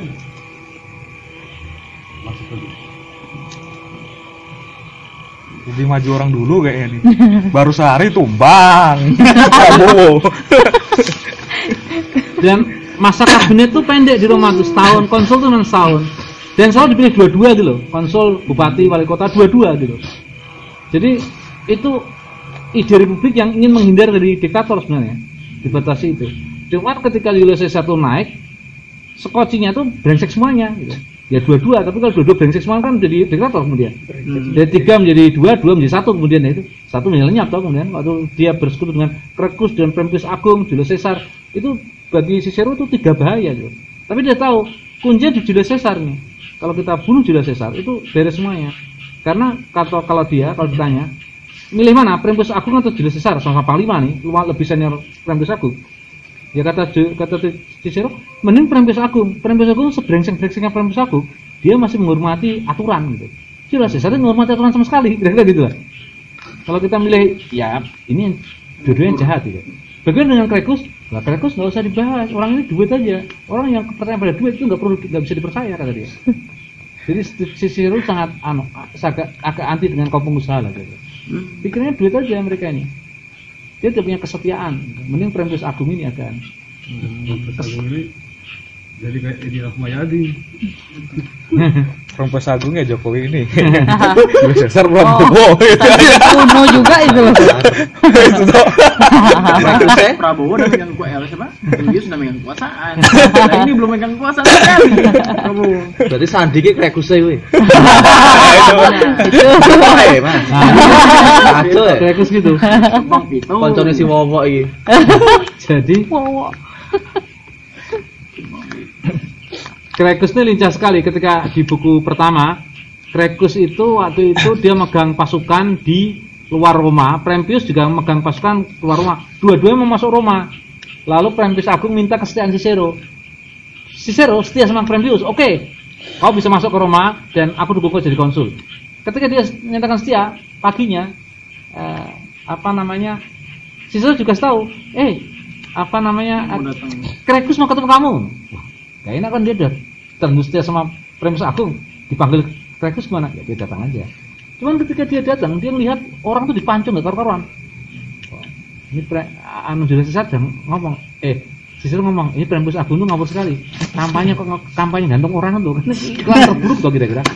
Nah, ketika dia datang ketemu Primus, ah, ketemu ketemu anu Kre- Krekus, Krekus ngejak, "Kau loyal ke aku lah. Nanti akan tak beri urusanmu." Ya, bagaimana loyal kamu? Apa yang bisa diharapkan sama kamu? Gitu. Wong kamu bikin pameran kekejaman kayak gitu kok. Siapa yang mau simpati? Siapa yang akan dukung jadi konsul kamu kira-kira? Kalau kok mau masuk Roma, kau kok gantung semua prajurit-prajurit anu orang-orang yang pernah kau taklukkan kok gantung sama satu persatu. Siapa yang mau mendukung kau jadi konsul melihat kekejamanmu yang kayak gitu? Kau tuh kejam-kejam tuh nggak bener, tapi kau pamerkan juga kekejaman itu. Gitu. itu promosi iklan yang paling kotor lah kira-kira. Nah tapi ketika mereka ini Caesar anu Cicero itu nggak mau loyal kepada Krekus, loyal kepada Prentius, nanti Prentius masuk kota, yang nyambut siapa? Yang nyambut Krekus. yang kan ini liciknya Krekus tuh. Keren sekali. Jadi dia masuk ke kota, Krekus nyambut, oh Prentius aku kamu hebat sekali segala macam-macamnya. Dia ngomporin. Akhirnya mereka bersekutu jadi konsul lah berdua. Ya itu Cicero kurang ajar sekali Krekus nih. dia sudah terlanjur nggak loyal loh. Dia nggak nyangka kalau Krekus lebih lincah lagi gitu bang Cicero. Ketika nggak dapat dukungan Cicero ya sudah Krekus macam bersekutu dengan Prentius Agung. Caranya apa? Puji-pujilah Prem Prem itu. Prentius itu nggak punya otak. Salah satu kelebihan dia adalah kalau kau ingin bersekutu dengan dia, puji-pujilah dia. Wow, bagus Mantap sekali. dia. Otaknya puji-pujilah dia. Ya. Bagus sekali. Bang. Hah? Mantap nih. Iya itu. Lincah Ruth. tuh. Prempus itu panglima yang menaklukkan Roma apa? Kawasan-kawasan Oh Roma iya, semua ya. Saudi dikalahkan sama Prempus. Timur Tengah dikalahkan sama. Prempus tuh ya kayak Sama tidak kayak sama Persia itu Iya, Prempus orang yang hebat sekali sebenarnya. Panglima perang yang usianya belum sampai 30 loh. Nakluan-nakluan masih masih 20-an dia. Jadi dia usia 35, 39 tuh udah pensiun dia. Terlalu cepat dia pensiun. Maka ketika nah, kelebihan Prempus adalah dia setia sama istrinya. Suka sekali sama istrinya tuh. Satu saat istrinya tuh meninggal, dia bingung sekali. Dia ini kalau nggak ada perempuan yang dia sayangi, dia bingung. Lalu disuruh nikah sama anak anaknya Julius Caesar, kan nggak mau lah dia. Caesar tuh enak aja menikahkan anak anaknya segala gitu. Dia punya pilihan perempuan lain. Setia sekali Ari. Dia asli nih. Tapi bukan seperti ini, Pak. Enggak setia dia. itu. Astaga, gimana nih? Orang setia, orang dia aja jomblo tuh. Apa namanya? Novel ini trilogi yang Bacaan wajib para politikus tuh. Oh iya, Kurang lincah Pak politikusnya ini. Hah? Kurang lincah di Indonesia ini Iya, kayaknya. karena nggak pernah baca itulah kita. Kata Cicero kalau kau nggak pernah baca bisa goblok kau pertama. Kering nih. Konferensi. iya. Berarti Tapi hati diceritain nggak mas di akhir itu Brutus itu mati. eh, oh mati akhirnya setelah membunuh itu. Iya nggak agak lama. Oh. Tapi dia kalah dalam Habis peperangan. itu hidup lagi lawan Pope. Lawan Kobe. Parah, parah, parah. Loh iya tuh, di itu bahkan memang dijelek-jelekin Brutus Ah, tuh. Brutus jelekin. Padahal sebenarnya dia baik jalan waktu zaman itu tuh. Iya. Iya tuh. 30 tahun lagi ada kartunnya I did yang jadi setan gitu.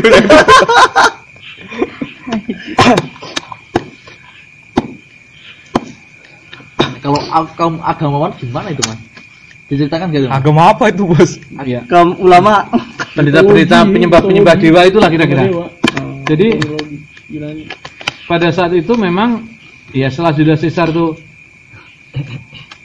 memilih menjadi pendeta utama, kacau semua kehidupan keagamaan tuh. kira-kira. Karena begini, ada peristiwa menarik, peristiwa religinya. tuh. Jadi eh, istri Julius Caesar dengan istri-istrinya Cicero dengan istrinya itu kalau kalau kalau sekarang tuh pengajian ibu lah gitu. kakak Nah, mereka punya istri pejabat nih punya kegiatan pengajian. Dharma wanita Ya, pengajian penyembahan dewa-dewa hari-hari tertentu. Hari-hari tertentu lah. Nah, satu saat satu saat ada seorang pria yang kemudian menyaru dari perempuan masuk ke ke tempat pengajian ibu-ibu itu Menyamar. ya. nyamar lalu ketahuan ketahuan ini pria ini ngamur lagi adalah pria ini menelanjangi dirinya menunjukkan artikelnya ke ibu-ibu semuanya itu kira-kira. itu menghina dewa lah kira-kira Oh. Nah, kemudian itu terjadi di rumahnya Julius Caesar sebagai ketua pendeta. Ini kan memalukan sekali kira-kira. Sampai terjadi peristiwa pria yang menyaruh sebagai perempuan gitu. dan itu meng- mengkhianati dunia keagamaan mereka gitu. Terjadi tuntutan gitu. Tuntutan pada Julius Caesar. Itu sebenarnya pintu masuknya Caesar untuk melakukan Julius Caesar. Tapi Julius Caesar itu kan licik sekali. Ketika dia mau diadili, dia ceraikan istri yang itu juga. Gitu. itu nggak ada urusan istri itu dan istri udah cerai. Kapan cerainya? Barusan. itu Julius Caesar hebat sekali gitu. Jadi pengennya Cicero itu gugat istrinya agar Julius Caesar kena. Tapi Julius Caesar menceraikan istrinya hari itu juga di pengadilan. Jadi itu nggak ada urusan dengan dirinya. Kira-kira. Itu buat apa egoisnya Julius Caesar gitu. Padahal peristiwa itu di rumahnya. Dia nggak yang nggak tahu peristiwa itu. Lah kan istrimu enggak, nggak istriku tak cerai. Kapan? Ya hari itu juga nggak cerai kira-kira. Jadi istrinya zaman dulu itu ya Jauh, itu, itu gila sekali tuh, Julius Caesar tuh. Jadi untuk mengelak apa menghindar dari tuntutan itu dia bisa melakukan apa pun lah kira-kira. Bahkan nyerahkan istrinya kalau perlu sesaat itu juga gitu. Akhirnya urusan istrinya aja nggak tanggung jawab dia lah kira-kira. Karena kalau urusan itu tanggung jawab dia, dia bisa turunkan jadi pendeta dan dia tidak punya otoritas kira-kira karena itu mempermalukan sekali. Itu. Keren keren. Nah itu apa eh, cerita ini Dia lagi berpikir akan ya, meniru gaya itu. agama itu bisa silahgunakan dengan mudah lah kira-kira gitu ya. Bahkan ketika terjadi penodaan tempat suci gitu, itu para Besok tokoh Jumatan. agama bisa bisa bisa berkelit gitu loh. Khutbah dulu besok. Ya itu jelas Caesar. Tapi bagus tuh, eh, buku ini bagus sekali. Menurutku novel ini bagus sekali. Wajib untuk kami baca lah paling. Kalau mau jadi politisi lah. Agak mahal novelnya, tapi satu-satu aja belinya. tapi lebih mahal pulsa lah. paket Berarti cuma trilogi itu aja ya mas? Sisir, apa masih ada yang lagi? Imperium, Konspar konspirata konspirasi, Konspirasi sama diktator. Apa pai yang pertama tuh? Imperium itu ya ya? Imperium konspirata Imperium konspirata diktator. Trilogi. Kan Mbak E mau ada yang mau didiskusikan? Eh tertarik banget. Dari mana? Win saya Oh, iya iya. Iya. eh, lumayan Jurusan apa, dulu deh tafsir hadis apa jurusan apa Sastra. Wah mirip-mirip lah Wandi sama jurusanmu. Saya Sulutin sastra apa mbak? Ilmu hadis. sastra Arab. Wah itu bener itu Wandi. Sana kamu belajar hadis harus lincah sastra Arab Wandi.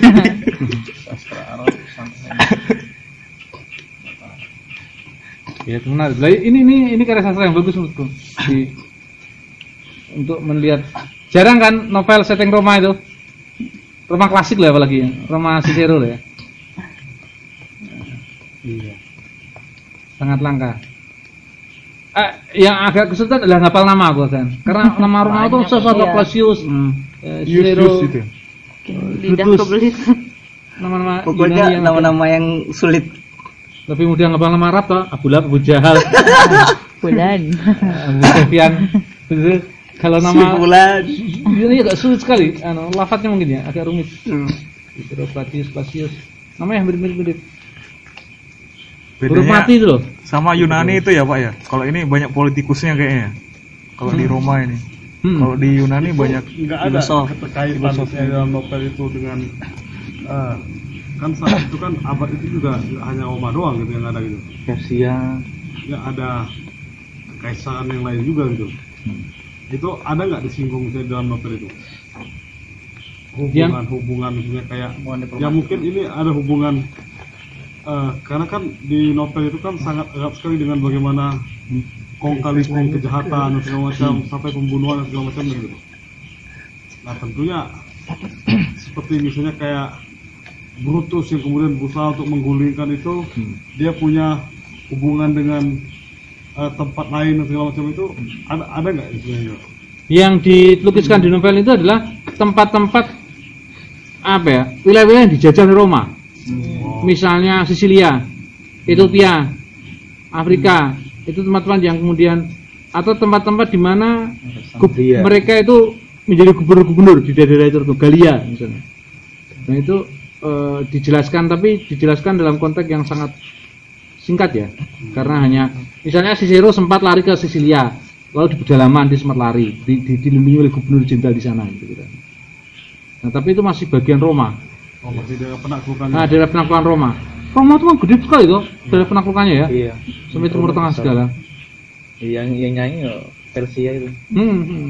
tapi nggak dijelaskan bagaimana hubungan dengan apa Persia dan apa imperium yang lain itu Tidak. Jadi cuman kalau misalnya Julius Caesar itu jadi kelebihan Roma itu adalah kalau kau ingin menjadi penguasa, kau harus menjadi panglima militer yang melakukan daerah jajahan. Gitu. Nah, satu saat ini kas tentara ya. Suatu saat Prem, Prempius itu mencoba anu, mencoba untuk apa namanya? mengangkat isu tentang ancaman gitu, ancaman teritorial gitu. Lalu ada bajak laut gitu. Bajak laut yang mau menguasai Roma gitu. Bajak laut ini bunuh segala macam lah. Lalu Prempius itu minta agar dia dikasih kewenangan, istilahnya menjadi menjadi panglima untuk semua kawasan yang dijajah Roma. Gitu. Nah, cuman kewenangan yang diktator ini kan agak sulit konstitusinya gitu. Jadi nggak ada konstitusi kok menyerahkan panglima utama itu pada satu orang tuh sulit gitu. Nah, Prempius merasa bahwa harus diusulkan. Tapi kalau usulan itu tidak demokratis, itu ditolak oleh anggota parlemen. Nah, si Surup pinter liciknya ini. Jadi begini aja nanti itu. Gregius, pemimpin konsulat itu namanya Gregius. Gregius bilang saja, karena ada bajak laut, maka kami serahkan kekuasaan pada Prempius. Oh, Prempius bilang, wih bagus sekali usul itu. Ya, tapi Cicero bilang, nanti kalau kau dibilang, kuserahkan pada jabatan Prempius, kau pura-pura nolak. oh, enggak lah aku. Aku udah capek sekali karena aku. Nah, pokoknya aku sekarang pengen pensiun, menjadi petani. Enggak mau aku jadi panglima. Nah, kerendahan hati itu kesombongan tertentu kata. Wah. Kalau itu ditunjukkan ke publik, wah itu karismanya hebat sekali. Gitu. Wah, Prempius rendah hati ya kira-kira. Nah, nanti biarkan rakyat yang nanti kan kejahatan-kejahatan terkenal lu. Tugas tugas apaan? Tugas adalah dia menyiapkan pidato perpisahan gitu. Dan itu pidato paling mengharukan lah gitu. Sehingga rakyat tuh wah ini kasihan sekali Prentius nih. Udah punya semangat kita nggak dukung. Taktiknya sih loh. Gila kan dia bikin taktik taktiknya tuh. Jadi taktiknya tuh sekalian kalau bertaruh tuh sekalian aja. Mundur aja. Benar ya, taruh mundur. Mundur dan benar taktiknya Cicero benar. Akhirnya rakyat minta agar Prentius menjadi panglima. Nah, ketika dia melakukan bajal-bajal di banyak tempat, mestinya dia menaklukkan tuh 2-3 bulan. Ternyata penaklukannya panjang, dia serang wilayah lain yang bukan musuhnya gitu gitu. Nah, dia menjadi panglima yang sangat dominan. Nah, itu itu banyak orang nyalahkan ke Cicero. Kenapa orang ini kasih kekuasaan mutlak? Ketika mutlak kayak gini udah susah mengendalikan orang gitu. Dia menguasai dia bukan hanya melakukan bajal, dia melakukan macam-macam gitu. Itu rumit sekali. Menambah reputasi Prentius. Maka disebut dalam sejarah itu Prentius yang agung gitu kan. Nah, iya. Karena kemahirannya menaklukkan. tapi taktiknya Cicero tuh hebat banget tuh itu asli sekali kalau bener juga ya politik itu jadi tampilkan kerendahan hati gitu jangan sombong kerendahan hati itu bagian dari kesombongan itu tak taktik aja itu Pratik no ini. Jurunya Jokowi. Jokowi. Tapi dijelasin nggak mas itu juga setelah jatuhnya Julius ini eh, orang-orang Brutus atau komplotannya itu termasuk di pemerintahan selanjutnya gitu, yang naik menggantikan Julius gitu. Iya, akhirnya pecah nggak ada diktator, kekuasaan pecah, ini bertempur masing-masing gitu. Dan itu novelnya diakhiri dengan dengan matinya Cicero. Ketika Cicero mati, prospek politik menjadi nggak tahu. Gitu. Kita hanya diakhiri dengan titik itu. Dan Robert Harris nggak mau menceritakan lebih jauh lagi. Kita harus cari buku lain toh. Fokusnya si Zero emang. Hmm, fokusnya Cicero. Mungkin itu yang buat apa? Kesayangan rumah melemah. Iya, jadi. Dan habis itu kan perang-perang perang. Ah, perang-perang tuh diserang kekuasaan. barbar itu loh. Langsung Hmm. Nah, golongan barbar itu. Barbar Jerman, Kalah Bavaria. Ini baik. Kalah sama Galia. Dalia tuh Prancis, di sana juga perang-perang perang tuh. Orang Galia. Galia itu di Prancis. Daerah-daerah Prancis itu kan. Jadi sudah. Galia ada. Astaga.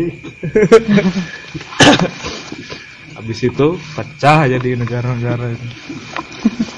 Tapi Roma tuh hebat loh, itu abad sebelum Islam segala itu. Iya. Wah, iya itu biasa sekali itu. itu yang bikin Hebatnya itu menurutku. Itu yang konstitusi yang menakjubkan tuh itu. Yang menakjubkan lagi itu ya si Robert Harrisnya itu yang bisa Oh, oh.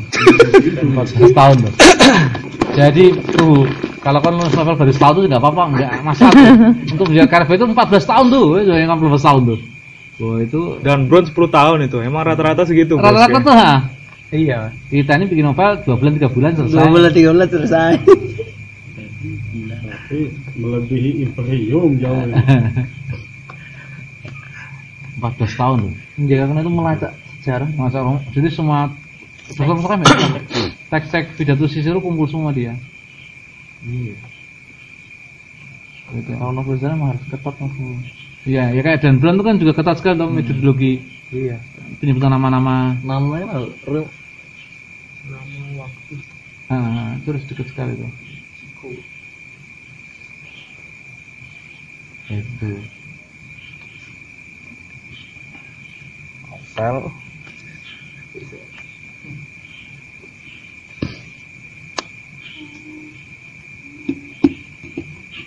ya mungkin karena udah malam nanti Iya. Balik ke depan siapa tuh? Pemicunya lagi. ya mungkin kalau ada yang mau mengusulkan Heeh. Bang Ari, Bang Ari, apalah, kau hukum progresif atau novel apa? Iya, Ri.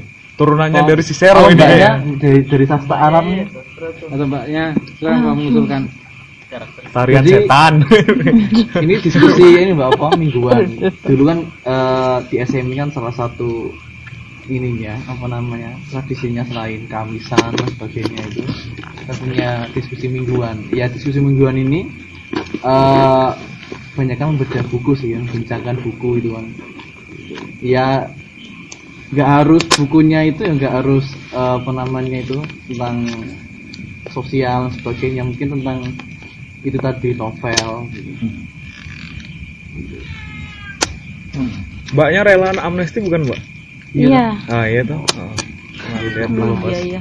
ada Om Wilson di sini. Iya, iya. Iya, Mbak, nanti usulkan ya eh, ke tubuh mungkin novel-novel juga.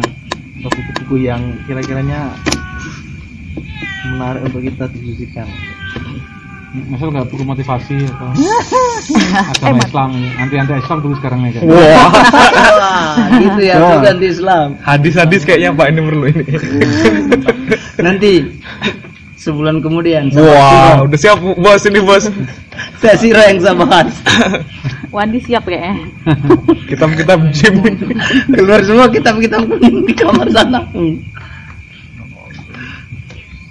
Oke mungkin gitu kita cukupkan diskusi pada malam hari ini. Semoga bisa uh, memberikan uh, apa namanya ilmu bagi kita semua.